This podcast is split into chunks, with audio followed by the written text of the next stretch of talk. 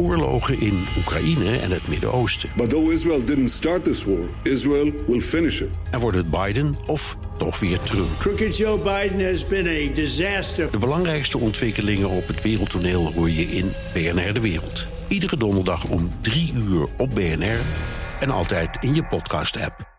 Dit is een podcast van BNR Nieuwsradio. Welkom bij de Technoloog nummer 66. Wij hebben Jos van Dongen. Jos, welkom. En Herbert is natuurlijk ook Herbert. Hoi. We gaan het hebben over schaatsen. Nou, over tijden. Ja, dus nou, ik, over data. Ik kan eigenlijk wel weg. Over voorspellingen. Schaatsen is van jou. nee, maar het was jouw voorstel om het over schaatsen het wel, hè? Ja. Ja. Dat, ik vind het ook heel leuk. Ja, nou, Eh, over ik. schaatsen praten vind ik leuker dan, dan zelfs... Nee, dat is ook weer niet waar. Ik ben gek op schaatsen, maar het is me eigenlijk nooit goed gelukt. Nee, maar jij hebt, eh, je hebt een paar jaar geleden heb je een verhaal geschreven over de 1000 meter binnenbocht buitenbocht. Ja, dat was, eh, dat was heel bijzonder. Zal ik dat even vertellen? Ja, heel graag. Nee? We hebben Jos van Dongen, Ja. principal consultant bij SAS Nederland. Ja, klopt. Wat SAS doet, daar gaan we zo allemaal over Ja, hebben. Maar we gaan even naar het verhaal van Herbert luisteren. Was eh, Salt Lake, was dat eh, 2002? Twee, ja. Ja. Oké, toen was er iets heel raars aan de hand. Want zowel bij de mannen schaatsers als bij de vrouwen... Werd, eh, waren op de 1000 meter nummers 1, 2 en 3... allemaal schaatsers die in de binnenbocht waren gestart. Ja. En dat was heel raar. Dus ik dacht, eh, daar moet wat aan de hand zijn. Dus eh, ik weet niet meer precies wat toen de conclusie was. Maar eh, in ieder geval heb ik toen voorgesteld... wat je eigenlijk zou moeten doen... is die 1000 meter, net als toen de 500 meter... Ja. twee keer rijden. Ja. Want of er dan een probleem is of niet... je lost het ermee op. Ja. Als het er is, dan los je het ermee op. Oké. Vier jaar later, toen naderden de Spelen in Turijn. Turijn.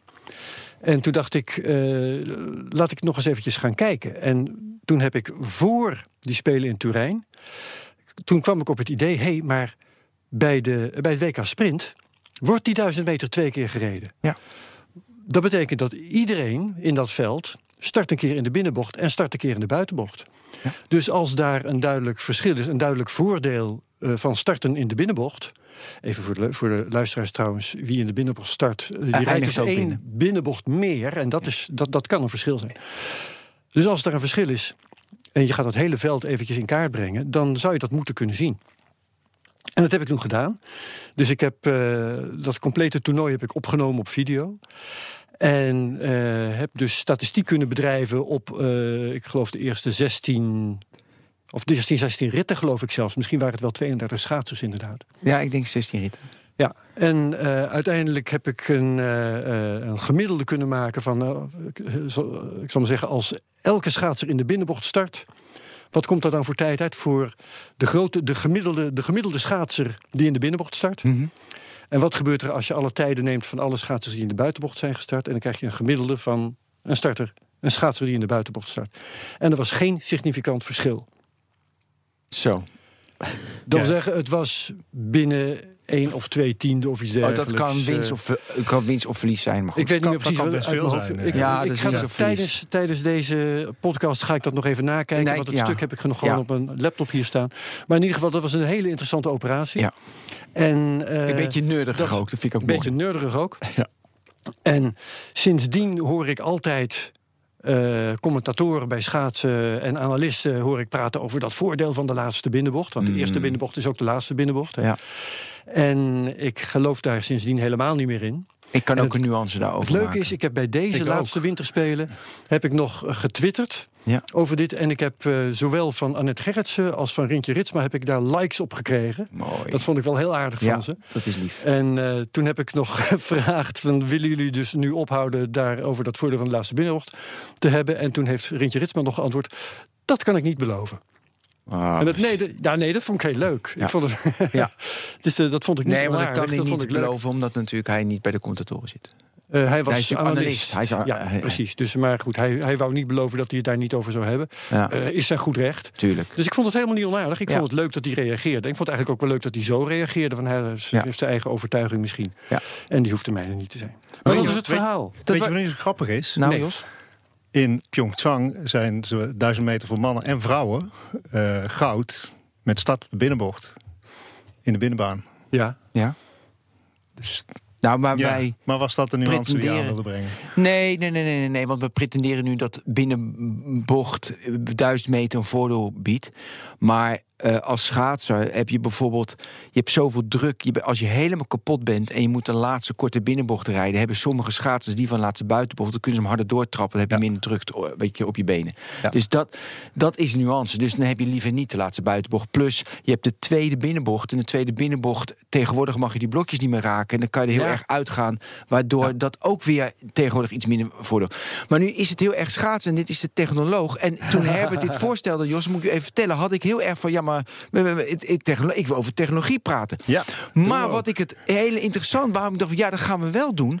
Omdat ik heel erg over datacrunch wil hebben. Ik wil heel erg graag hebben over heel veel data in een database. En wat doe je dan met die data? En wat kan je Mhm. eruit halen? Hoeveel, en wat is predictive? Wat kan je voorspellen? Ja. En dat was eigenlijk. We nemen schaatsen als, als voorbeeld, maar we kunnen ook Mhm. naar andere sporten toe en naar andere data. Eh, in hoeverre is data voorspelbaar? Dus dat zou ik graag de komende 55 minuten. Daar wil ik het over Oké, ja. Maar misschien eerst, want we hadden het over, eh, over SARS Netherlands. Ja. Daar ben je principal consultant. ja, erg hè? Ja, die naam is natuurlijk verschrikkelijk. Maar goed, daar had je, zeker, je mocht zeker niet kiezen wat je op je kaartje zet. Nou, dit is gewoon mijn, mijn officiële ja, functietitel. nou, ik, zeg, ik zeg heel vaak tegen mensen, je mag zo weten wat je op, op je kaartje zet. Ja, precies. Interesseert me niks. Maar goed, Mag ik even? Ja. Want ik heb de cijfers nagezocht. ja. Oh, heel goed. Ja, heel goed. Ja. En ehm, ik zal het gewoon eventjes voorlezen. Het is waarschijnlijk het makkelijkste. belangrijk, dit. Ja, ja. Het hele veld. Even kijken hoor. Ehm, da, da, da. Turijn 2006, hè? Dit is eh, WK Sprint WK 2006. Tellen we alle tijden bij elkaar op van rijders die in de binnenbocht zijn gestart. Dan heeft het hele veld een gemiddelde eerste tussentijd van 16 seconden 789 duizendste. En een eindtijd van 1.11.15. Oké, startend in de buitenbaan doen ze gezamenlijk 16 seconden 793 duizend, dus 4 duizendste langzamer. In de buitenbocht. In de buitenhoogte Ja, ten mooi. 4000ste langzamer. Interessant. Eh, en een eindtijd van 1.11.10. Dat is Sneller. 500ste sneller. Ja. Maar zo klein zijn die verschillen dus. Ik heb dat toen beoordeeld als niet significante verschillen. Nou, ik vind vooral die opening interessant. 4000ste. Nou, dus dat is gelijk. Dat Terwijl is je- gelijk. de, ben je bent eerder bij de bocht. Je kunt doortrappen. Oké. De helft van een honderdste. Ja. Ehm, Jos, eh, wat doet, eh, wat doe je bij, wat doet SAS? Wat doet SAS? SAS eh, ehm, ontwikkelt analytische software en die verkopen wij wereldwijd met eh, 14.000 man, eh, waarvan 5.000 eh, echt developers zijn. En de, de rest van de wereld is een, een eh, marketing- en verkooporganisatie eh, en een stuk dienstverlening. Dus we ondersteunen onze klanten ook bij het eh, Ja. implementeren van die software. Maar de analytische software, dus dan moet ik denken van ik heb heel veel data Ja, in een Excel. Dat de, eh, ik krijg software van jou. Dat staat bij mij, hoop ik. Anders heb je ook al mijn data ineens. Dus ik zet dat, dat bij is een keuze of je het bij jou of Ja, in de cloud tuurlijk. of een Nou ja, oké, we dat kan in- allemaal. Maar goed, ik ja. beheer dat. Ja, en dan doe ik, die, eh, doe ik mijn, mijn data erin. Ja, Ik heb bepaalde doelstellingen met die data. Mhm. En, en jullie hebben, dan een mooi, hebben een mooi dashboardje waarbij ik dat eruit haal. Dat is een van de dingen die we hebben. Ja, bijvoorbeeld. Het, het mooie dashboardje. Eh, ja. Noem eens buiten schaatsen, buiten sport even wat voor soort data en wat je eruit haalt, wat, je, wat ik nooit had verwacht. ja, als je een beetje in dat wereldje zit, weet je dat wel. Maar bijvoorbeeld, Ja. eh, een van de, van de eh, hot topics momenteel is een risicoanalyse bijvoorbeeld in de financiële wereld. Dat is een heel groot ding wat we doen. Dus het, het inschatten van risicoposities voor banken. Voor zorgverzekeraars bijvoorbeeld zorgfraude is een hot topic. Dus hoe kun je daar eh, inzicht in krijgen? Hoe kun je, Dus je krijgt dan een, van een verzekeringsbedrijf, krijg je alle schademeldingen. Mhm. Ja, Ja, dat is het. En wat voor data pak je er dan nog bij om te kijken of ze fraude plegen? Eh, veel demografische gegevens. Dus waar, waar wonen mensen? Zijn mensen getrouwd, gescheiden? En wat voor buurt wonen ze? Wat voor auto bedoel, dat kunnen allerlei attributen zijn die, die te maken hebben met die persoon. En die iets over die persoon zeggen. Eh, maar het heeft ook te maken met de interacties van mensen onderling. Eh, en zeker bij fraude geldt het zo dat, dat er vaak verbanden zijn tussen. ja, je hebt andere mensen nodig om, om fraude te plegen vaak. Eh, en die netwerken in kaart brengen, dat is ook een van de, van de lastige uitdagingen. En daar eh, specialiseren we ons ook in. En dat is allemaal, G- en dat is allemaal GDPR-proof. Dat is allemaal GDPR-proof. Waar- Ehm, GDPR zit natuurlijk een deel in de software. Hè? Dat, zit, dat zit voor een groot deel in procedures, processen in je organisatie. Wel, maar als jij zegt, ik pak data eh, uit verschillende bronnen... Ja, dan, dan gaat er bij Zeker. mij een lampje branden. ja, ja, daar moeten wel allerlei waarborgen omheen gezet worden. Het moet geanonimiseerd zijn, of in ieder geval gepseudonymiseerd zijn. Kijk, eigenlijk is dat niks nieuws. Dat doen we in de medische wereld doen we dat al heel erg lang. Eh, dus als je patiëntgegevens gaat analyseren, ja, dan mag ik ook niet zien wie dat is. Ehm, als ik een, een, sowieso, als ik het wel mag zien, dan heb ik ook een behandelrelatie met die patiënt. Want anders mag ik nog ineens inzicht hebben in die data. Dus dat ligt allemaal heel gevoelig. Mhm. Dus jij krijgt medische gegevens van een ziekenhuis, anoniem. Nou, Ja? wij krijgen niks. Nee. ziekenhuizen zijn daar Nee, heel maar zij gebruiken die, die software. gebruiken die Dus software zij om dat kopen jouw software. Ja. En, en, maar geef eens een concreet voorbeeld daarvan. Van eh, iemand, zo hoeveel eh, knieën, eh, eh, hoeveel... Ja, dat zijn hele simpele dingen. Ja, bijvoorbeeld. Of je krijgt ook normen opgelegd voor, voor bepaalde behandelingen. Hm. Ehm, dus je moet eh, 50 operaties X doen en 200 operaties Y. Want anders dan gaat de zorgverzekeraar jouw ja, licentie is het niet echt. Maar dan gaan ze die behandeling niet meer vergoeden volgend jaar. Omdat je te weinig expertise hebt, hebt opgebouwd. Eh, dus ook om, om dat soort simpele dingen aan te sturen. Dus krijgen we voldoende van dat soort behandelingen binnen. Eh, kunnen we bijvoorbeeld vanuit eh, de poli al gaan voorspellen wat, hoe de opnames eruit gaan zien. Kunnen we onze bedbezettingen al gaan voorspellen op basis van de gesprekken die we in de poli voeren. Zodat je eigenlijk die hele zorgcyclus, ja, die probeer je steeds strakker aan te Ja. sturen en te monitoren. En als we dan winterweer hebben en mensen kunnen schaatsen... en waardoor mensen hun benen breken, hun knieën Ja, breken... dan... ja. Nee, maar Dat- dus dat die zijn data van die- neem je Dat ook zijn mee. ook voorspellende factoren die invloed kunnen hebben op. Ja, dat klopt. En dat zie je ook met, eh, nou ja, wat, wat de KNVB bijvoorbeeld doet, is eh, het voorspellen van risicowedstrijden. Dus er worden, ieder weekend worden er iets van 30.000 eh, amateurwedstrijden gespeeld door het hele land. Ehm, ja, je kunt niet overal bij zijn. Dus die hebben maar sommige wedstrijden. Maar wat voor ja, data dat is een gebruiken Eh, ja, dat heeft te maken met de herkomst van een team, de samenstelling van een team. eh, of het een uit- thuiswedstrijd, Sociale historische klasse. gegevens. socia- ja, you name it. Alles wat je. sociodemografische factoren spelen daar natuurlijk een rol in. Maar ook, ehm, ja, het kan zijn dat sommige groepen, als je die bij elkaar zet, dat het altijd problemen oplevert. Ja. Ehm, dus, dus dat is wat zij doen om te proberen om in plaats van op 30.000 velden een oogje in het zeil te houden, om die specifieke wedstrijden in kaart te brengen. Van daar moeten we eigenlijk wat extra ondersteuning naartoe sturen. En hebben ze een soort mindmap, groen, rood, oranje... ja. en dan daar Ja, is het gevaar. En, en dan gaan ze naar de gemeente Ja, toe dat gaat in gradaties. Hè? Dus je, doet, eh, je, je, je, je hangt daar een risicoscore aan. Die kan van 0 tot 1 lopen bijvoorbeeld. Dat is een hele makkelijke. Eh, en hoe dichter bij 1, hoe risicovoller het is. Dus daar krijg je dan een, een, top, eh, ja, een top 100 lijstje uit. En uit dat top 100 lijstje ga je, eh, daar ga je actie Ja. op ondernemen. En dat doet de Belastingdienst bijvoorbeeld ook met het bepalen welke aangiftes wel en niet gecontroleerd moeten worden. Dat is ook een risico-inschatting. En gebruiken ze ook jullie... En Daar dan gebruiken ze jullie ook onze software voor. Ja. Dus in plaats van eh, random steekproeven, wat ze vroeger deden, wordt nu gekeken naar profielen. Wat is nu de kans dat iemand zijn aangifte onjuist invult? Het, het woord fraude gebruik ik dan even niet. Ehm, maar En goed, welke elementen zijn dat? Dat mensen hun... eh, eh, dat kan zijn ehm, je, eh, de hoogte van je bankrekening, hoeveel, hoeveel bankrekeningen je hebt, je gezinssamenstelling, je postcode, wat voor soort auto je rijdt. ehm, Faillissement. Een faillissement, ja of nee? Eh, Maar weet je of ook je bijvoorbeeld- gescheiden bent, ja of maar nee? ik kan me voorstellen, kinderen meer bankrekeningen, meer bankrekeningen betekent, denk ik, dat je eerder fraude pleegt. Eh, dat je, toch?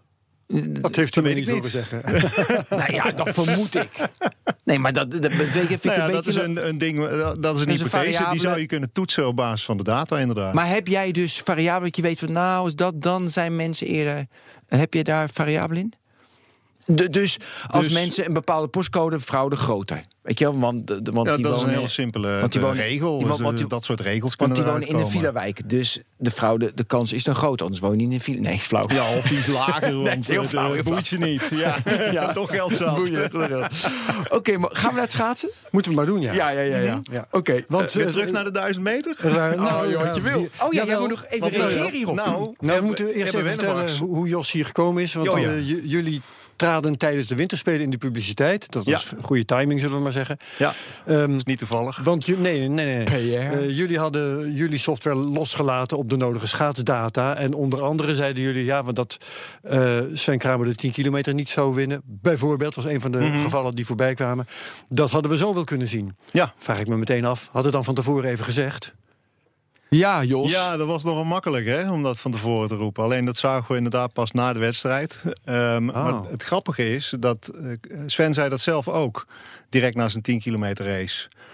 Ja, Eh, want ja, Maar hij zei het ook niet interview- voor de 10 kilometer race. Nee, hij zei het er niet voor, maar hij zei het er wel daarna. Tegen de, de journalist stelde hem de vraag van Sven... hadden we dit Ja. kunnen, kunnen zien aankomen? Hij zei, ja, als je naar maar vijf kilometer had gekeken... dan had je dat kunnen weten. En eh dan- iedereen van, ja, hallo, eh, ga even weg. Je hebt goud gewonnen, man. Wat zeur je nou? Eh, en Jack Ori gaf daarna ook in andere interviews vijf aan, kilometer had hij goud gewonnen, eh, ja. eh, Nee, maar ja, Jack ik was heb- ik heb- verbaasd. Ik heb, geen idee waar hij het over heeft. Juist, en, ja. en Jack meet ook alles hè, in die, tijden. die gaan we zo ook over alles hebben. En trainingstijden, et cetera. Ja. Daar, gaan we ook nog verder op in. Ehm, maar als je naar de data kijkt, eh, dan zie je inderdaad dat Sven, zelfs als hij zijn, zijn normale prestatie had geleverd op de 10 kilometer, eh, gebaseerd op zijn 5 kilometer tijd, Ja? had hij niet gewonnen.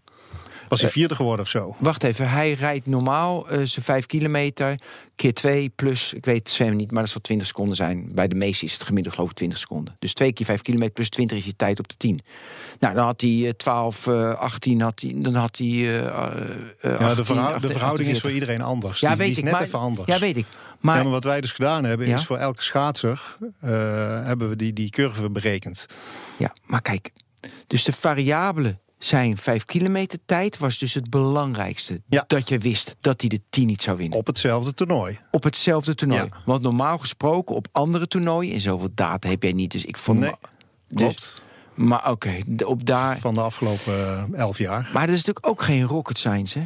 Want ik had toevallig niet, en Herbert ook niet, die heeft het in 2006 gedaan. Eh, maar weet je, ik had to- dat toevallig niet gedaan, even twee keer. eh, ja, maar zo vaak rijdt Sven namelijk niet. Een allround is er alweer anders dan een Olympische Spelen. Dus Ja. heb je ook weer aan. Ja. Maar dat is natuurlijk niet. eh, ik zag ook in dat persbericht machine learning, artificial intelligence. Dacht ik, ja, wat dan? Want dit is gewoon. Dat is gewoon lineaire regressie. Ja, Ja, wat Het wel gewoon- machine learning is trouwens. Maar, nou goed. ja, maar dit is gewoon lagere schoolrekenen. Dit is eh, de Ja, mid- nee. middelbare school, economie, ja, wiskunde. Nou ja, ja. Oké, in, groep 8. Maar goed, vertel. Dat klopt, alleen je moet er nog wel even opkomen. Kijk, het, eh, eh, de uitdaging met dit soort trajecten... Ja. die zit toch vaak in... hoe kom ik aan de data? Hoe stel ik de data samen? Kan ik daar patronen in ontdekken? En dan die laatste stap, kunnen we er een model van maken? Kunnen we dingen gaan voorspellen? Ja, dat is, dat is de laatste 10, 20 procent. Eh, die, die, die eerste 80, die zijn het De belangrijkste. data is het belangrijkste. Ook die, die voorbeelden die ik net gaf van de KNVB en van de Belastingdienst en van eh, Rijkswaterstaat, die, die wil eh, kijken of bruggen stuk gaan en zo. Dat is wel een ander voorbeeld. Ja, de data, die, die gaat het uiteindelijk vertellen. Eh, Ja. en, en dat zei ik ook in een ander interview. De eerste vraag die ik kreeg was van... eh, oh, u heeft voorspellende gaven. Nee, die heb ik niet. Die, die zit in die data. Mhm. Maar die moet je wel goed opbouwen. Ja, maar ook bijvoorbeeld de 5 kilometer mogen we het over hebben. Toen dan hadden jullie in twee tienden de tijd voorspeld. Ja, en toen had ik van, ja, als je naar het baanrecord kijkt... en je kijkt naar de andere tijden die ervoor gereden... het, wa- het was iets minder snel, dat zagen we allemaal. Mhm, Ja, dat vind ik twee... Maar is dat Bovendien een- viel het, het verschil tussen jullie voorspellingen net buiten. en werkelijke tijd Ja. viel er net buiten. Ja. Dus dan Ja. moet je ook eerlijk Ja. zijn om te zeggen, de, hè, die voorspelling die was niet goed. Nee, daar hebben we ook al eh, feedback op gekregen. Van Oh, ja, jongens, dit is een beetje liegen met statistiek. Nou, eh, dat klopt, want hij viel er net buiten. Ja. Eh, voorbij zaten we wel precies in het midden van, van de voorspelling. Eh, maar ook van een aantal anderen zaten we aardig in de buurt. Alleen het trucje hier is, eh, ja, A, het is niet moeilijk. Eh, maar het, het werkt ook alleen maar als iemand twee afstanden schaatst op een toernooi. En liefst heb je daar veel data van. Dus veel datapunten. Dus iemand die Zeg maar, eh, ook in al de een paar jaar doorkomsten. meedoet, die verschillende Oh. toernooien schaatst. Want dan kun je iets zeggen over het verband tussen de 5 en de 10 kilometer tijd. Of tussen de, Ontwikkeling in de tijd. 1500 en de 1000. Ja. Of de 500 en de 1000. Eh, dus bij, bij eh, Lorenzen bijvoorbeeld zaten we er behoorlijk ver naast. Gelukkig, zou ik zeggen. Ja, omdat Ja. hij natuurlijk omdat hij geblesseerd is geweest... en daardoor minder toernooi had ge- ge- eh, gereden. Nou, eh, data. weet ik niet, hij rijdt juist een ijzersterk seizoen. We hebben Nee, maar vorig seizoen. Dus je Ja, minder oké. data van de Ja, vorige ja. seizoen. Maar waarom zeg je Ja. gelukkig zaten we ernaast? Nou, omdat uh, Nuis nu goud heeft gewonnen. Oh, op die manier gelukkig. Dat vind ik op toch duizend, Ik, heb 500. liever dat Nuis dat leuk goud wint dan dat onze voorspelling klopt. Maar, bij die, maar welke variabele bij dat schaatsen is het meest dominant? Is dat, eh, is, dat, eh, is dat de tijden die ze hebben gereden? Of is dat het. De, de, dus ja, dat is eigenlijk alleen maar de tijden die ze hebben gereden. Je baseert alleen maar op Dat, de dat tijden is die het je hebt enige gereden. wat we hebben gebruikt. Ja, klopt. Dus niet de ijstemperatuur, Nee, de, de luchtdruk. nee, de, nee, gewoon heel, heel simpel. Appeltje, eitje, allemaal niet nodig. En ik denk als je dat soort factoren toevoegt... dat je een, een nauwkeurige voorspelling kunt maken. Dat wou ik zeggen, want jullie, eh, er valt nog wat te verbeteren. Zeker. Ja. Want het, het baanrecord, dat, dat is op dat, je moment ook- geschaatst. Precies, dat heb je ook niet meegenomen. Nee. Dus het baanrecord, Ja, wat was voor, voor- vorig jaar? Want wij, eh, wij, wij stonden die wedstrijd te kijken met z'n allen op kantoor. Met Marianne Timmer erbij trouwens. Dat was, eh, dat was hartstikke leuk. Ehm, maar toen zag je al vrij snel in de wedstrijd... Dat, dat er geen hele snelle tijden geschaatst zouden gaan worden. Dus wij zaten al van... oh jee, ik, dat, eh, dat gaat niet goed komen met die voorspellingen van ons.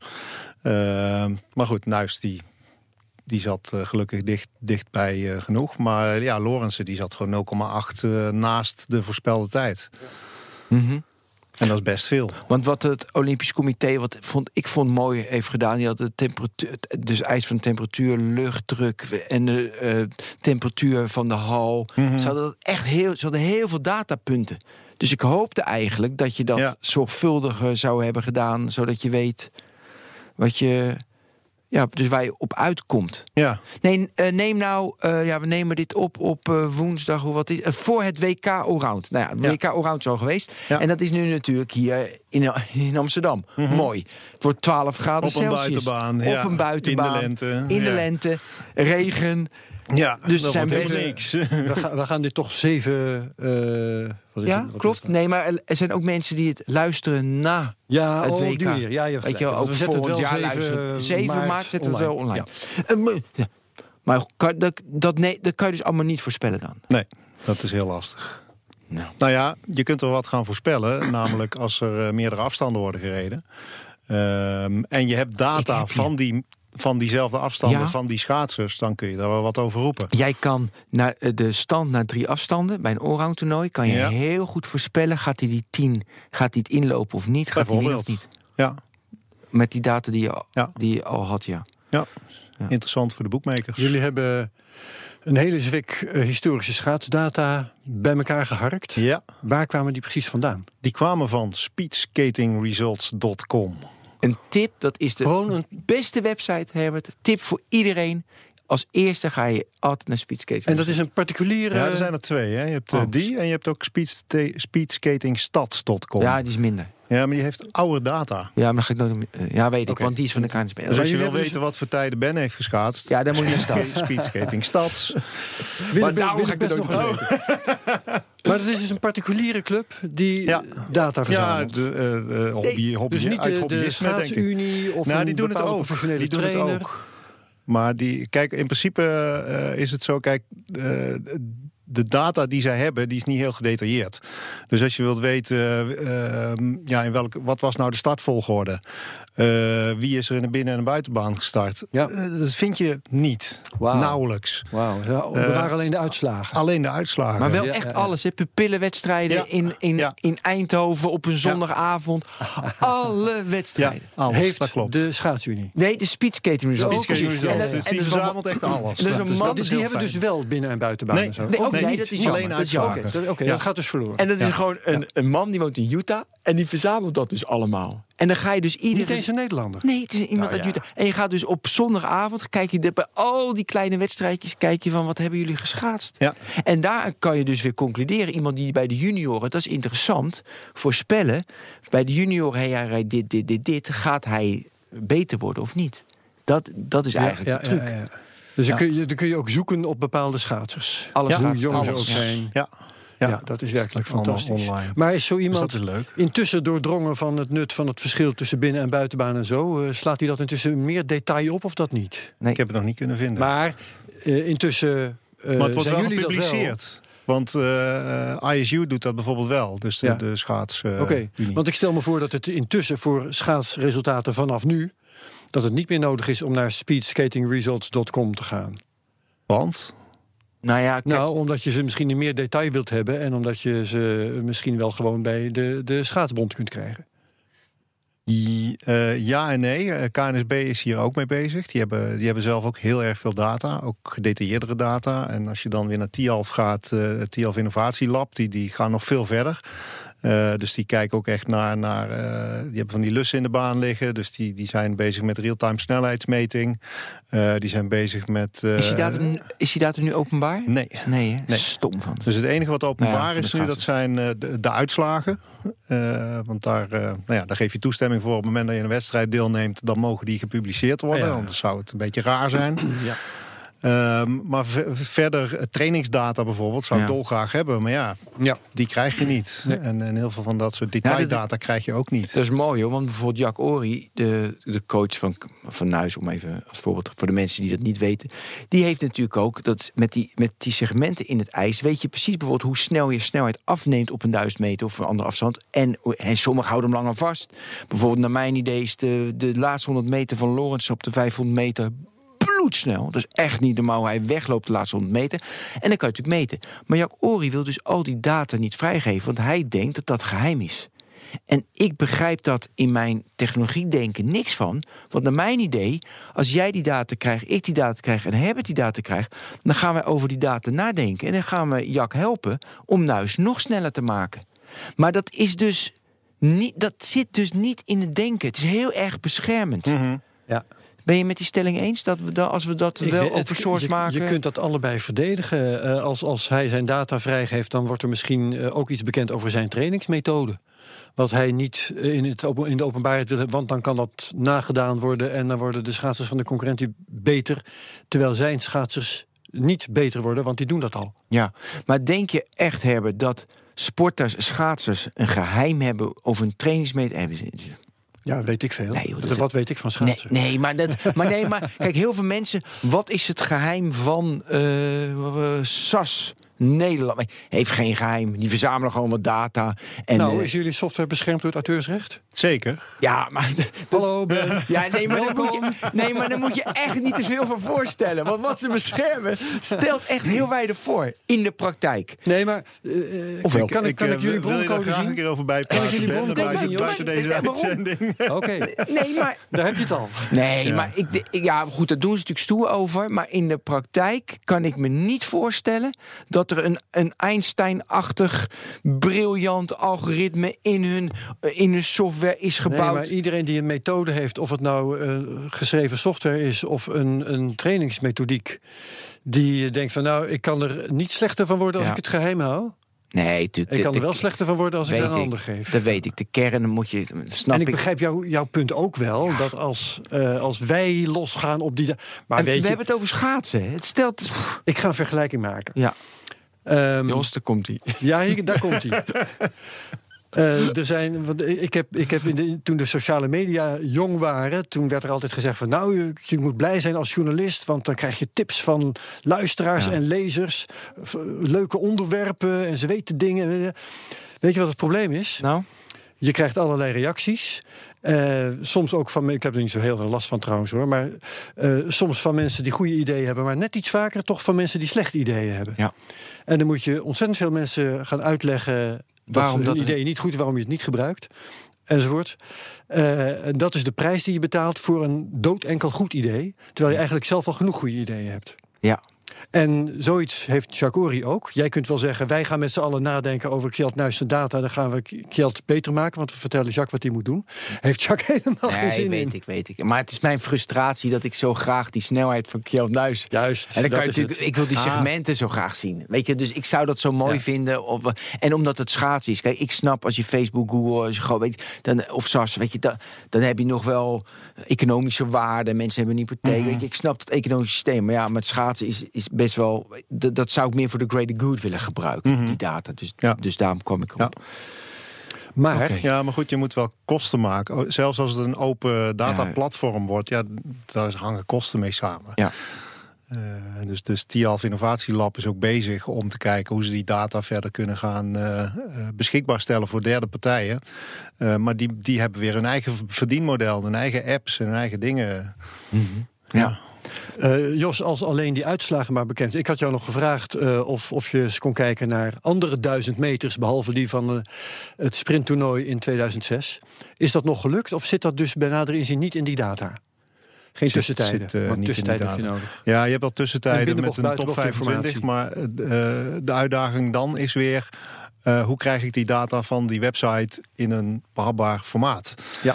Ehm, dus dat wordt wel leesbaar gepresenteerd op een HTML-pagina... maar dan heb ik het nog niet keurig gerangschikt In in een een, Excel. datasetje zitten. Maar je escape die site gewoon. Eh, Eh, met Speedskating Results ging dat uiteindelijk eh, relatief makkelijk. Ehm, maar zijn, hebben we ook wel even zitten kouwen hoe we dat het beste konden doen. mhm. Ehm, maar goed, daar is uiteindelijk een stukje programmatuur voor geschreven. Door mijn zoon trouwens. En, en om, om die data eraf te trekken. Eh, Ja. En die heeft een dataset samengesteld. Nou, daar heb je schaatsers in staan. Ik zei, ja, dan wil ik graag ook nog weten hoe oud die mensen waren op het moment dat ze die wedstrijd schaatsten. Oeh, oeh, oeh. Ja, inderdaad. Oeh, oeh, dan zit moet ook je weer die schaatsen-. Het zit Ja. er wel bij, maar dan moet je dus eh Apart naar de weer naar die wedstrijddata, moet je weer naar die schaatsen toe, moet je weer gaan koppelen. Het is gewoon best wel gedoe om, om een goede dataset samen te stellen. ja, dat was, dit was puur een PR's PR-dingetje voor jullie. Ehm, ja, eigenlijk wel. Toch? Ja, precies. Ja. Eh, en hoeveel heb je dan een intern budget dat je daar aan besteedt? Dat je zegt van eh, gewoon voor de leuk. Nou ja, eigenlijk ja, voor de leuk, eh, voor de nieuwswaarde. Ehm, ook voor onszelf, om eens een keer ehm, ja, niet met, met al die grote bedrijven bezig te zijn, maar gewoon iets, iets heel cools. Gewoon cools, klein schaatsen. Ja, ja. Maar sowieso op, op het gebied van sports analytics doen we best wel veel. Dus het past er wel binnen een, een Mhm. thema wat we Ja. Eh, doen vanuit SAS. Ja, wat ik interessant vond, het stond helemaal onderin in het persbericht van Artificial Intelligence en Machine Learning. Ook mooi. Ja. Kan je daar iets meer over vertellen? Wat je, want volgens mij heb je dat helemaal niet toegepast met die schaatsvoorspellingen. Want wat, wat we net hadden Nou ja, geconcludeerd. Dat is ook een vraag die ik altijd. eh, ik, ik geef ook wel eens trainingen. Eh, en dan laat ik een lineaire regressie zien op, op zo'n PowerPoint slide. En dan vraag ik: is dit machine learning? Zeggen mensen: nee, nee, nee, natuurlijk niet. Ja, wel. Tuurlijk. Dat is wel machine learning. Waarom? Omdat je patronen leert ontdekken uit de data. Dus daar zit een algoritme a- eh, achter wat leert van de data. En dat is misschien een heel simpel algoritme. Ehm, wat we al heel lang kennen. Maar heel veel van die algoritmen kennen we al heel lang. Kijk, nu zijn de neurale netwerken zijn eh, helemaal hip. Die bestaan ook al eh 20, 30, 40 jaar. Alleen vroeger hadden we niet de computerkracht om daar echt iets mee te doen. En inmiddels wel. Eh, maar ook de, de, eh, de wiskunde die eronder zit, wordt, wordt beter. Ehm, dus de algoritmen zelf worden efficiënter. De hardware wordt efficiënter. We kunnen meer dingen in memory eh, stoppen. Hardware wordt goedkoper. Dus al die dingen komen bij elkaar. Eh, ja, en dan kun je daar eh, best interessante dingen mee doen. Ja. En, en de truc is dan om dat op een begrijpelijke manier op één platform bij elkaar te krijgen. Zodat je zowel eh, ja, de, de huistuin- en keukenanalist die even snel wat, wat mooie plaatjes wil maken in een dashboard. Als die, die data scientist die lekker zit te programmeren, die wil je kunnen bedienen. Mhm. Nee, maar ik had meer over die patroonherkenning. Dat is geen rocket science. Weet je, heb je wel eens in die, Nee. bijvoorbeeld in die schaatsdata, heb je niets, was er iets wat je verraste? Dat je dacht van, nou, dit slaat echt. dat- nou, dat wat mij ik- zelf, dat was eigenlijk de vraag waar ik zelf mee begon eh, met het analyseren van die data. Van zie je een leeftijdsontwikkeling eh, in, in scha- bij schaatsers? Ja. eh, in prestaties. Eh, ja, die zie je wel degelijk. Nou, je weet, eh, als je een beetje biologie, eh, ja, ook weer de middelbare schoolbiologie, je, je, je fysieke top die zit een beetje rond die 27ste. Ehm, dus mijn vraag was, zie ik dat ook terug bij schaatsers in, in die uitslagen? Ja, dat zie je terug. Als je kijkt naar alle schaatsers. Als je kijkt naar Olympische schaatsers, dus echt de echte top, Ja. dan is die lijn veel vlakker.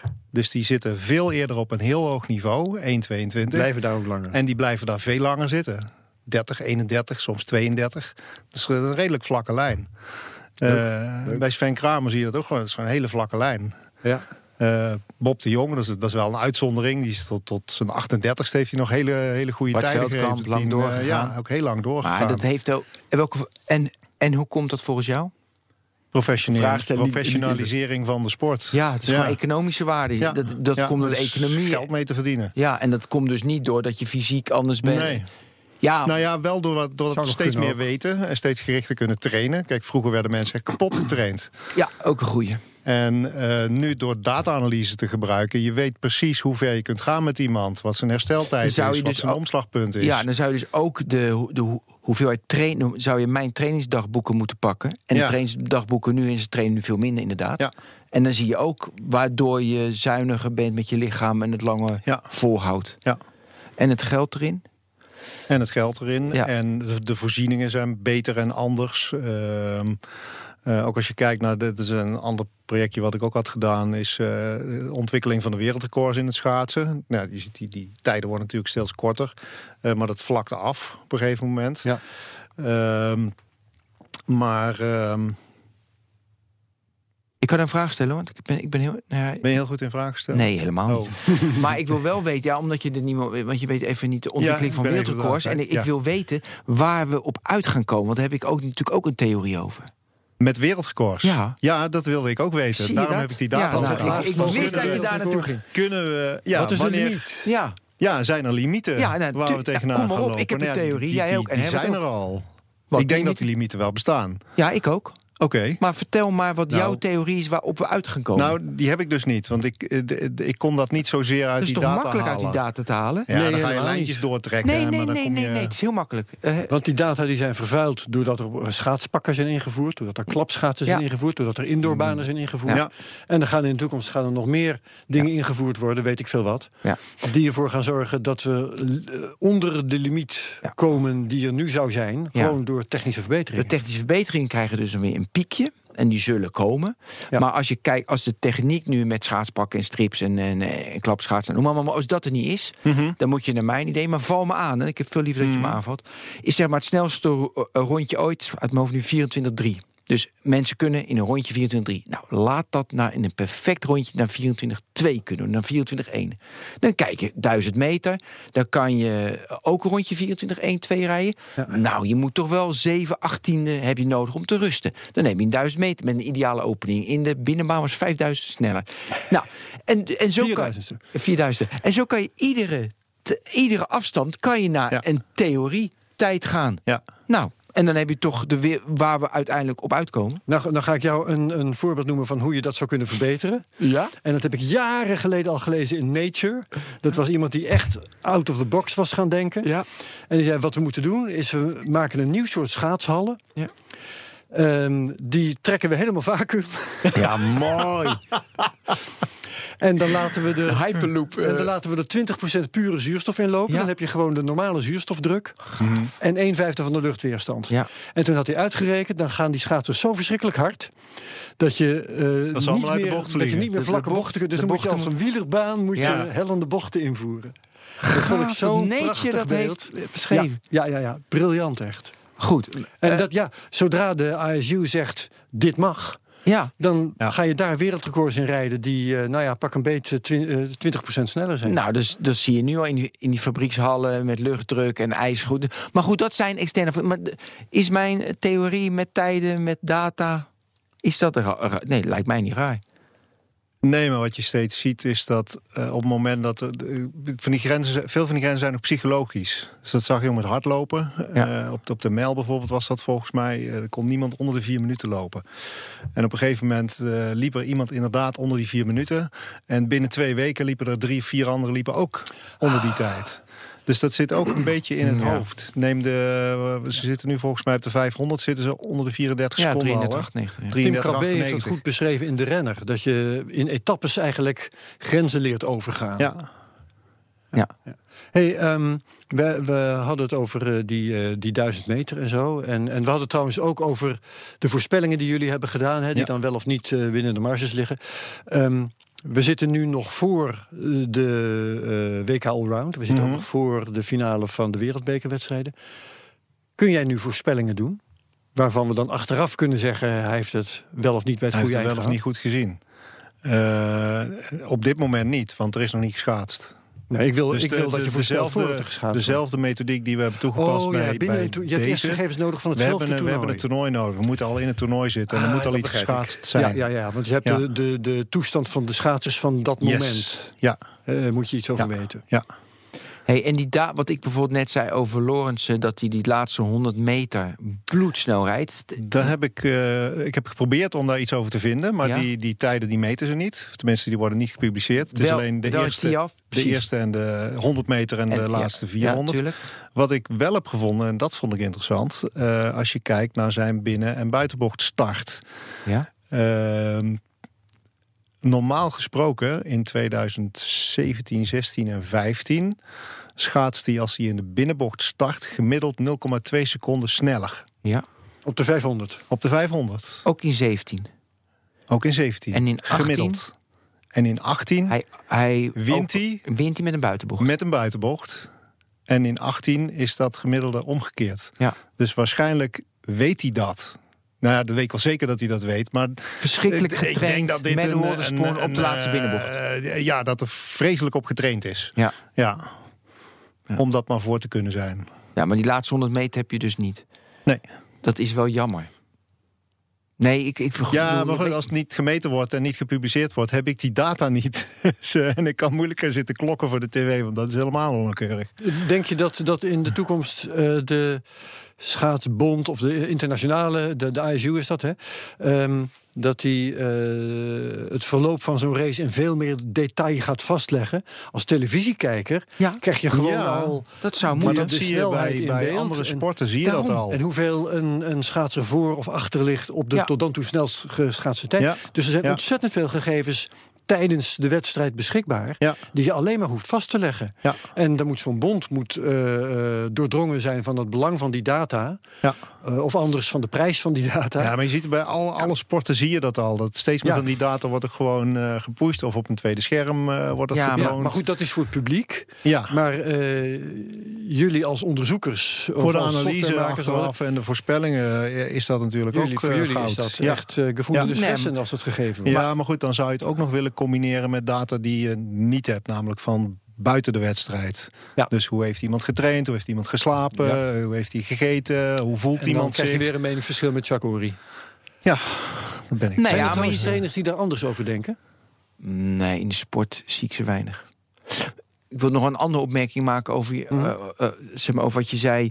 Wat natuurlijk opvallend is, dat je bij voetbal zijn de analyses steeds specifieker, st- Ja. steeds technischer, 4-3-3, ik weet het allemaal niet. En bij de Formule 1 heel technisch, weet je, duizend Ja. seconden, sectortijden, banden. We weten alles in detail.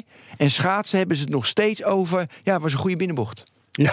Nou ja, maar staan ze met klokjes nog langs, Ja, langs de staan ze met een beetje echt, een tijd. niveau van ja, hij, ja, Ja, ja, hij, ja. Zit, ja, hij zit goed in zijn vel. En je Ja. moet die bocht aanvallen. En je moet die bocht aanvallen. Weet je, al- nee, maar dat is echt zonde. Ja. Dus ik pleit ook inderdaad dat jij weet je, wel die sectortijden desnoods moet Jack Ori en dat je ook de gegevens wat mensen eten en de luchtdruk en hoe Ja. je slaapt, dat Ja. je die data allemaal bij elkaar brengt. Ja. Dat je en Jack doet dat natuurlijk wel, hè? Ja, ik doe het ook voor mezelf. Maar Ja, maar dit, is even interessant. Want wa- wa- eh, wat, ik apart vind, wat Jack doet, daar heb jij de data niet van. Die gaat dus kijken bij de doorkomsten van rijders. Of ze bijvoorbeeld, ehm, eh, als je bijvoorbeeld de laatste twee ronden heel erg vervalt. Dan weet hij van. En dat doe je al jarenlang. En de laatste twee ronden, die kak je altijd in. Dus heel vaak mentaal, maar je kan ook fysiek... dat je de laatste twee ronden... Dan, dan ziet hij van, hé, hey, daar zit potentie in. Dus hij haalt niet veel meer uit de schaatstijden data... haalt hij eruit van, dat wordt een goede of dat wordt geen goede. En eh, ik vind dat zelf, denk ik, van... ja, waar is de verrassing? Waar is de, het vingerspitsengevoel? Is daar nog iets? Nee, keiharde data. Ja, ja, nou dat, dat is eigenlijk een vraag die ik Jos wilde Ja. voorleggen. Van hoe, hoe leuk is het straks allemaal nog als die data maar regeren? Waar blijven de verrassingen? Waar, hè, de, wat we ja, altijd zeggen, zullen mysterieuze... volgens mij altijd wel blijven. Ik herinner me, ik herinner me, wanneer won Piet Klein zijn gouden medaille op de 10 kilometer? 1976. Dankjewel. Innsbruck. ik bedoel, dat was zo fantastisch. Iemand die deed iets wat helemaal niet kan. Ja. Ik stel me voor dat als, als hij een Jacques Ory langs de kant had gehad... dat hij nooit zo'n race had gereden. Terwijl, bedoel, mooie Olympisch kamp, Ma- eh, Mark Tuiten 2010. Totaal, als zat niet in jouw data 2010 Mark Tuiten.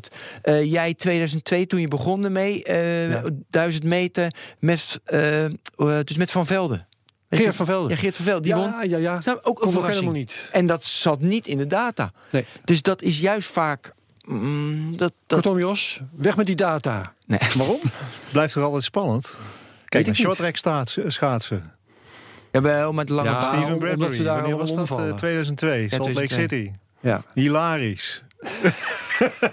Ja, maar dat is short track en je Nee, maar, maar snap je ook, bedoel, je ja, haalt... je begrijpt het Ik, toch eh, wel? je, je haalt een beetje de, de verrassing eh, haal je, haal je uit de Ja. sport. Even, ja. Ja, terwijl wij dat niet Een cowboy schaatsen, nou ja... Oh, nou, Een cowboy die, die, die eh maar als je een weet- idioot vertrekt. Je hebt al een wereldranglijst voordat, eh, voordat er een toernooi begint. Je weet al wie de sterke en wie de zwakke schaatsers zijn. Ja. Dus je kunt ongeveer wel eh, hoe het podium eh, eruit gaat zien. Misschien niet de nummers 1, 2, 3. Maar je kunt een, zelfs zonder data kun je wel een aardige inschatting maken van eh, wie er heel hoog gaat scoren. ja, maar... En dat zag je bij de 10 kilometer in Korea. Weet je, er konden zeg maar drie mensen winnen. Mhm. Weet je, Bergsma, eh, Bloemen en Kramer. En dat hangt dan van de dag, van de loting, van de mentaliteit, van de stress. Daar hangt het vanaf. Ja. En stress, mentaliteit, loting wel. Het is natuurlijk heel moeilijk in data te vatten. Maar kun je wel meten. Zeker stress. Oké, dus jij vindt dat uiteindelijk moeten de stresssensoren op het lichaam van die schaatser ook zijn, waardoor je de hoeveelheid zweet, Ja, ik weet niet vocht of op dat de huid. wenselijk is. Ja, Zou jij dat nou, prettig vinden als je schaatser Nee. bent... dat dat, dat soort informatie gewoon op Nee. tv getoond wordt? Nee, nee, niet. Maar Koek- Nee, maar de trainer wil het wel weten. ja, Ja, goed, dat is weer een ander verhaal. Maar ja, dan, dan krijg je weer met eh, ehm, eh, richtlijnen te maken van wat mag wel en niet van de ISU. Je mag volgens mij geen batterij meenemen tijdens het schaatsen. Dus, nee, maar dat lossen we technisch wel op. Oké, Ja. Ehm, eh, plus, ik denk dat eh, de schaatser en de sporter in het algemeen zich moet realiseren dat het natuurlijk, weet je, hij is een entertainment tool en hij moet, hij denkt dat hij het voor, zich, voor, voor, voor, zichzelf doet, Mhm. maar hij doet het natuurlijk voor de mensen thuis en voor de Olympische Spelen gedachten en, en hij is maar een tool die een keer goud wint en dan vier jaar later wint, wint iemand anders goud. Snap je? Dus je moet ook in dienst staan van het grotere geheel. Waardoor die je- schaatser helemaal niet. Nee, weet ik. Maar, Nee. dat, maar dat snapt hij nog niet. Dat snapt hij als hij oud is. Weet je, dan denkt hij van... Hey.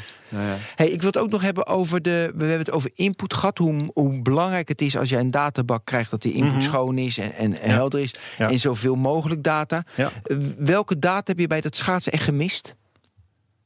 Dat je dacht, van, als ik dat had gehad, nou dan... eh, ik heb wel een paar dingen genoemd, maar dat, die variabelen ja, goed, die het- omgevingsvariabelen die, die zijn op zich wel te achterhalen. Ja. Eh, dingen als luchtdruk, luchtvochtigheid. Precies, goed, dus dat is af van Maar wat heb je echt druk het gemist? in zo'n hal is.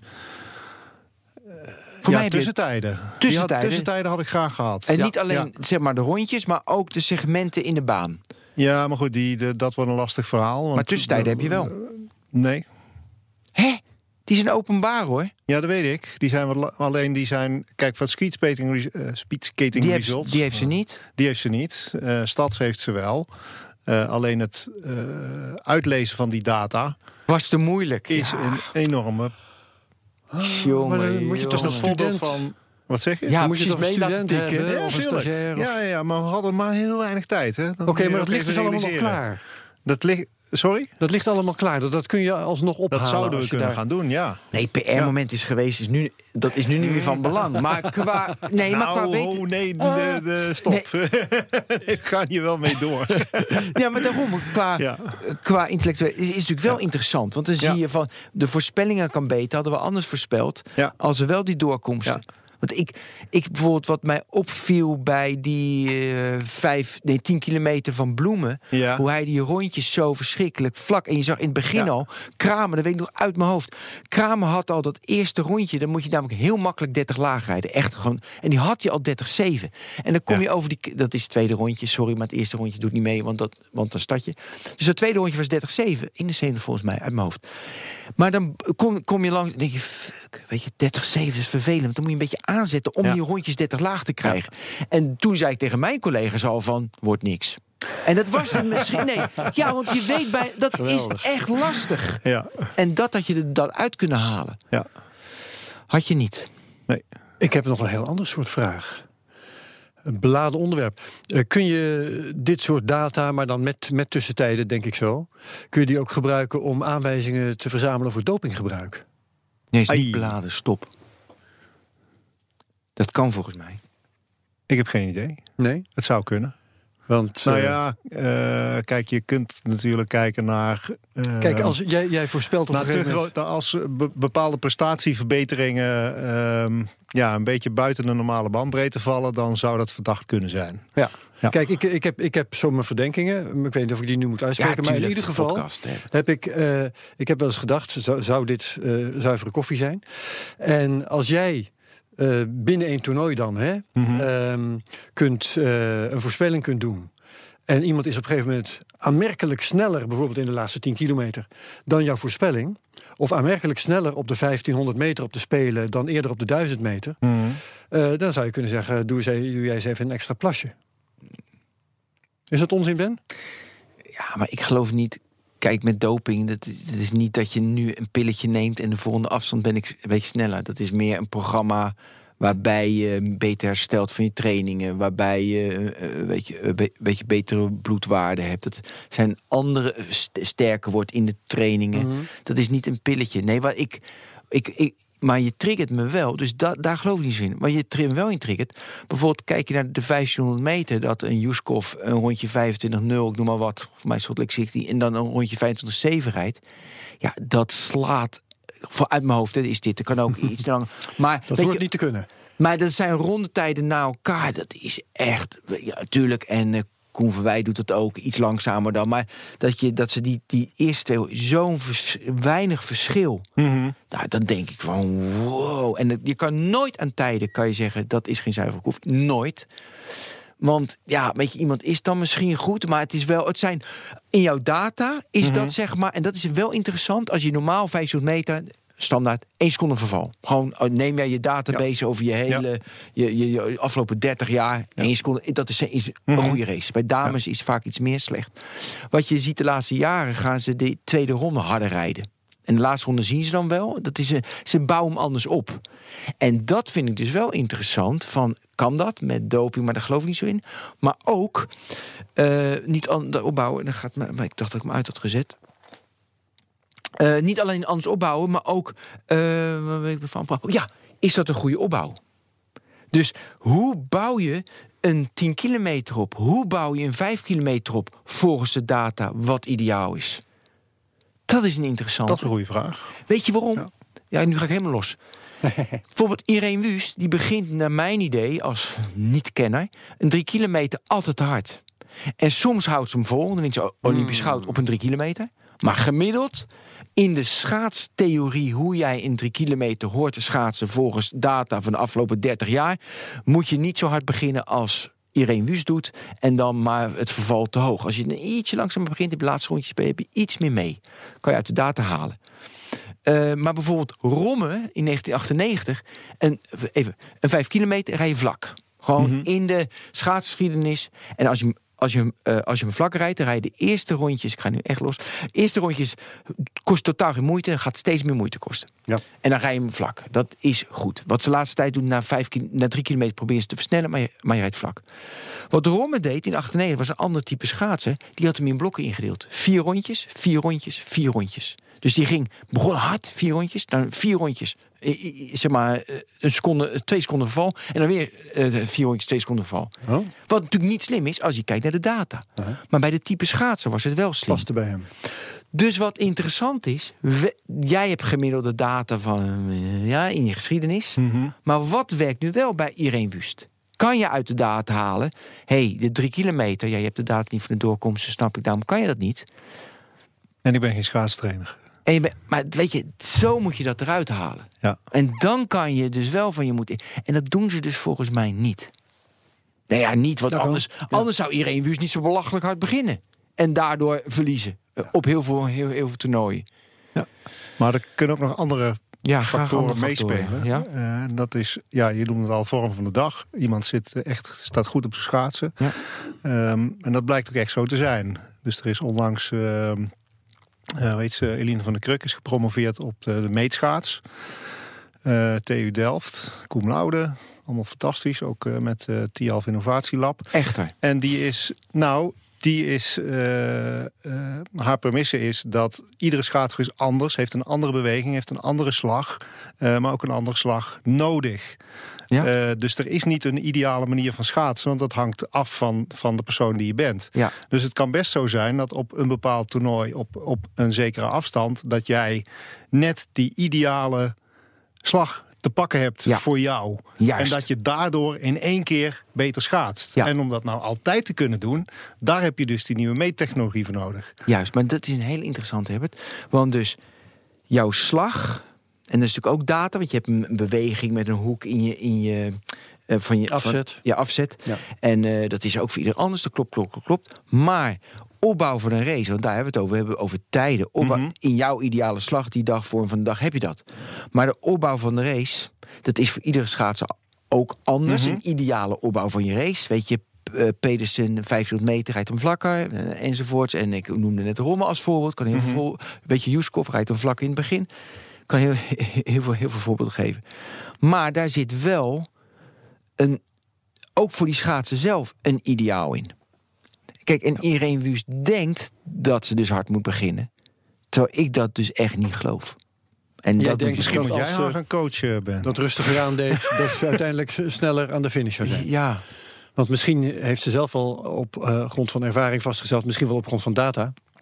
Dat als ze rustiger begint, dat ze dan eh, de Ja. laatste ronde wel iets sneller rijdt, maar Ja. niet uiteindelijk de, een snellere tijd rijdt. klopt. Ja, k- kan, maar ja, dat is... eh, Daar hebben wij de de- trainingsdata dus niet. Nee, precies. We moeten die trainingsdata hebben. Ja, Hey, jij liefst wel. Maar ja, Maar die krijg je niet. Eh, we hadden het over, jij zegt 80% is de juiste data die je krijgt. Dat zegt iedereen altijd die met database is altijd wel mooi. En het moet zuiver zijn en zoveel mogelijk heeft het over gehad. En, en, maar je zegt 10 tot 15% of 20 moeten we daar naartoe gaan. Is dus wat je er uiteindelijk uithoudt. Dat is het minder spannende. Nou, dat is nog steeds het spannende, want dan zie je pas eh, je resultaten resultaat. terug. Ehm, vaak heb je dan een eerste slag en ga je dan weer terug naar je data. Van, ik zie dit en dit. Als ik er nu nog dit bijzet of ik ga die data weer iets anders opbouwen... kan ik dan nog een betere voorspelling maken bijvoorbeeld. Dus dan ga je echt eh, eh, extra variabelen toevoegen... eh, of afleiden van de set die je al hebt... om maar te zorgen dat die, die patronen wat, wat strakker aansluiten bij je data. Ja. Maar ja, dat, dat begint en eindigt het eigenlijk wel mee, ja. En wat voor soort modellen je daar dan op gaat bouwen, Ja. dat, dat is stap 2. Ja, de mythe in de schaatswereld ging altijd als je, als je jong bent, heel erg goed bent, dan, dan ben je later, dan uh, je moet iets later moet je goed worden. Dus je moet niet op je niet junior kampioen worden op je 13e. Precies, niet 13, 14, 15, 16 op je 19e wereldkampioen. Want dan word je niet bewust als sporter wat je moet doen. Je kan beter Rintje Rits, maar die weet je, een beetje moeite dat in het begin en daarna doorzetten. Ja, Arts Schenk ook. Ja, Arts Schenk, precies. Kees Verkerk was gelijk al goed. Weet je, vroeger goed en daarna Arts Schenk. Blijkt dat ook uit je data of heb je dat niet onderzocht? Niet onderzocht. Maar wat denk je?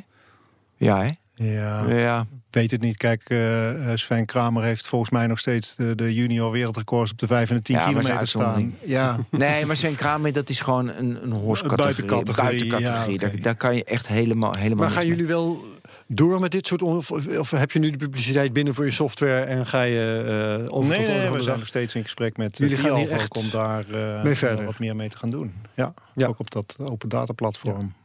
Het lijkt mij super en, interessant. En dan krijg je ook die, dan krijg je die segmentdata ook. Dat is nog de vraag. Dat is nog de vraag. Maar goed, dan heb je segmenten. Dan heb je nog niet uh, real-time snelheid. Dan wordt het pas echt nou, interessant. Ja, maar segmenten, er zitten acht segmenten in uit ja, mijn hoofd. Of twaalf, ja, wat, wat ja. er was, acht. Ja, maar je snelheid varieert bij iedere Ja, wij- slag die je doet, hè? Ja, ja. Maar Nou. goed, je hebt al meer, je hebt al meer data. je hebt al meer detail, dat klopt. Waar gaat het uiteindelijk naartoe? Wat wil je? Waardoor je denkt van wow, nou dan hebben we de, de sport echt geholpen. Oh, ik heb nog een andere vraag die ook heel, heel belangrijk is. Oh. Heb je nog wensen? de, dus de sport helpen is denk ik toch met real-time feedback over wat, wat de schaats op dat moment aan het doen is. Zodat hij nog beter kan worden. ja. Uh, daar wordt nu aan gewerkt. Uh, ja, en daarnaast zijn er allerlei ja, manieren om naar, naar sport en, en data-analyse te kijken. Dat heeft ook weer te maken met, uh, met fanbeleving bijvoorbeeld. Ja, maar vind ik een andere tak. Dat je hebt trainers ja. en fanbeleving. Ja. We hadden met Formule 1. Weet je, is de fanbeleving groter, Precies. want je hebt meer data. Nee, die Ja. vraag die ik heb, heb het is dit. Wij hebben in de geschiedenis heel veel weerdata. Echt, echt heel veel weerdata. Ja, ja. Heel Er is veel ook heel veel van gewoon online te vinden bij Heel veel, KNMI. dat kan je ja. allemaal inladen. Minima, maxima, eh, elke dag de afgelopen Regen, eeuw. eh, Je kan het zo gek niet verzinnen Ja. of we hebben het. Ja. Ongelooflijk. Heb ik ook aan zitten rekenen trouwens. Maar dat is Heb misschien ook al zitten- een ander moment. Ja. Eh, ja, ja, ja. Maar ik vond, dat stop je in het SAS-systeem. Mhm. En dan moet er iets... En we kunnen zo slecht het weer voorspellen. En we hebben al die data. Dat, dat, eh, daar moet ik even tegenin gaan. We kunnen, we kunnen juist heel erg goed het weer voorspellen. Dat is, dat is een van de dingen die we. Ja, die vijf we- dagen vooruit is best wel. eh, Ja, eh, is best wel hoge betrouwbaar. Er zijn een aantal dingen die we helemaal niet kunnen voorspellen. Aardbevingen bijvoorbeeld zijn, zijn onvoorspelbaar. Hebben we ook heel veel data van. Heel veel data van is niet te voorspellen. Maar het weer voorspellen we goed. Het weer voorspellen we, eh, ja, zeker vergeleken met, met en, eh, eh, 50, niet 60 perfect, jaar geleden. maar ik weet nog het is dat niet er- perfect. Ja, enkele decennia geleden, ik weet niet meer precies wanneer hoor, want we beginnen er nou zomaar over. Maar het is, eh, die vijfdaagse voorspelling is ooit een keer begonnen. Ja. En was eh, ergens in de vorige eeuw, denk ik. En was toen zo slecht dat ze er weer mee opgehouden zijn. Oh ja. En tegenwoordig kun je, kunnen ze dus bij wijze van spreken, nou ja, dat is pas nog gebeurd, kunnen ze een week van tevoren voorspellen dat het gaat vriezen. Ja, maar hoe dat precies uitpakte met het vriezen... want ik had nog meer willen schaatsen dan ik heb geschaatst. Dus, maar goed, Ja, dat, maar dat goed, is vrij maar de redelijk. weervoorspellingen, die, die, die, ja, dat, Ja, dat ik kunnen vind- we er inmiddels tevreden Nou, wel, eh, het is wel nu, goed. ik, ik, ik bedoel dit in een overkoepelende zin. Bijvoorbeeld met, het is ook leuk dat je zelf al eentje aangaf met aardbeving. Je hebt natuurlijk heel veel databases, heel veel data. En bijvoorbeeld, ik dacht het weer, maar dat is dus niet waar. Nee. Maar gelukkig noemde je een andere. eh uh, vulkaan, was mij hoor. Aardbevingen kan dus niet. Nee. Dus Orkanen, best lastig. Tot op zekere hoogte. ja. Maar niet eh, een maand van tevoren of zo. Maar goed, Dat voor, zou mooi zijn. ja, dus dan zou je ook moeten weten welke variabelen je nodig hebt om Je dat kunt helemaal helemaal niks in te het weer een maand van tevoren voorspellen. Nee. Nee. Nee, maar En, zelfs ja, een dat is, orkaan, eh, het pad van een orkaan. je- De vlinder van Lorenz, hè? Ja, Ja. Ja, maar je, je zou dus wel zeggen, eh, want je hebt al die data. Je kan ook een maand daarvoor van de data die je al hebt... en dan kijken wat het een maand later is... en daar allemaal modellen op loslaten. Waardoor je, weet je, dat, Mhm. dat je lukt dus niet. Nee. Dus nou, ja, dat viel me op. Ja. Oké, we zijn, Ja. eh, eh, zijn, zijn we Nou, ik hoorde je net zeggen open data platform. ja. Is dat waar we naartoe gaan? Dat er ergens een gigantische emmer vol data staat... waar het hele publiek uit mag graaien? Met tussentijden en, eh, en eh, binnen buitenbocht. Ik weet niet wat de plannen zijn, want wij zijn de eigenaar niet van die data. KNSB is de eigenaar van die data. Eh, de- Nou, wat zij het dan nooit mee gebeuren. willen. Ja. Ja, jongens. Oh, oh, oh. We hopen er oh. best van. Misschien moeten we de KNSB een keertje uitnodigen. Nee, nou, nee, goed, je ziet wel, zeker bij de overheid en zo, je ziet steeds meer databronnen die, die openbaar worden. Ja, Ja. precies. En Ja, er ja, gebeuren interessante, hele interessante dingen Ja, mee. Kijk maar naar Klopt. die KNMI-data. Ja, precies. Ja. Dat- Dat is fantastisch. geweldig. Eh, Oké. Ehm, Jos van Dongen, bedankt. We Ja. hebben meer, en dat we over schaatsen mochten hebben. hebben. Dankjewel dat het mocht. Ben van den Burg. Ja. Dankjewel ook hoor. Graag gedaan. Eh, dit was de Technoloog 66. Tot de volgende Technoloog.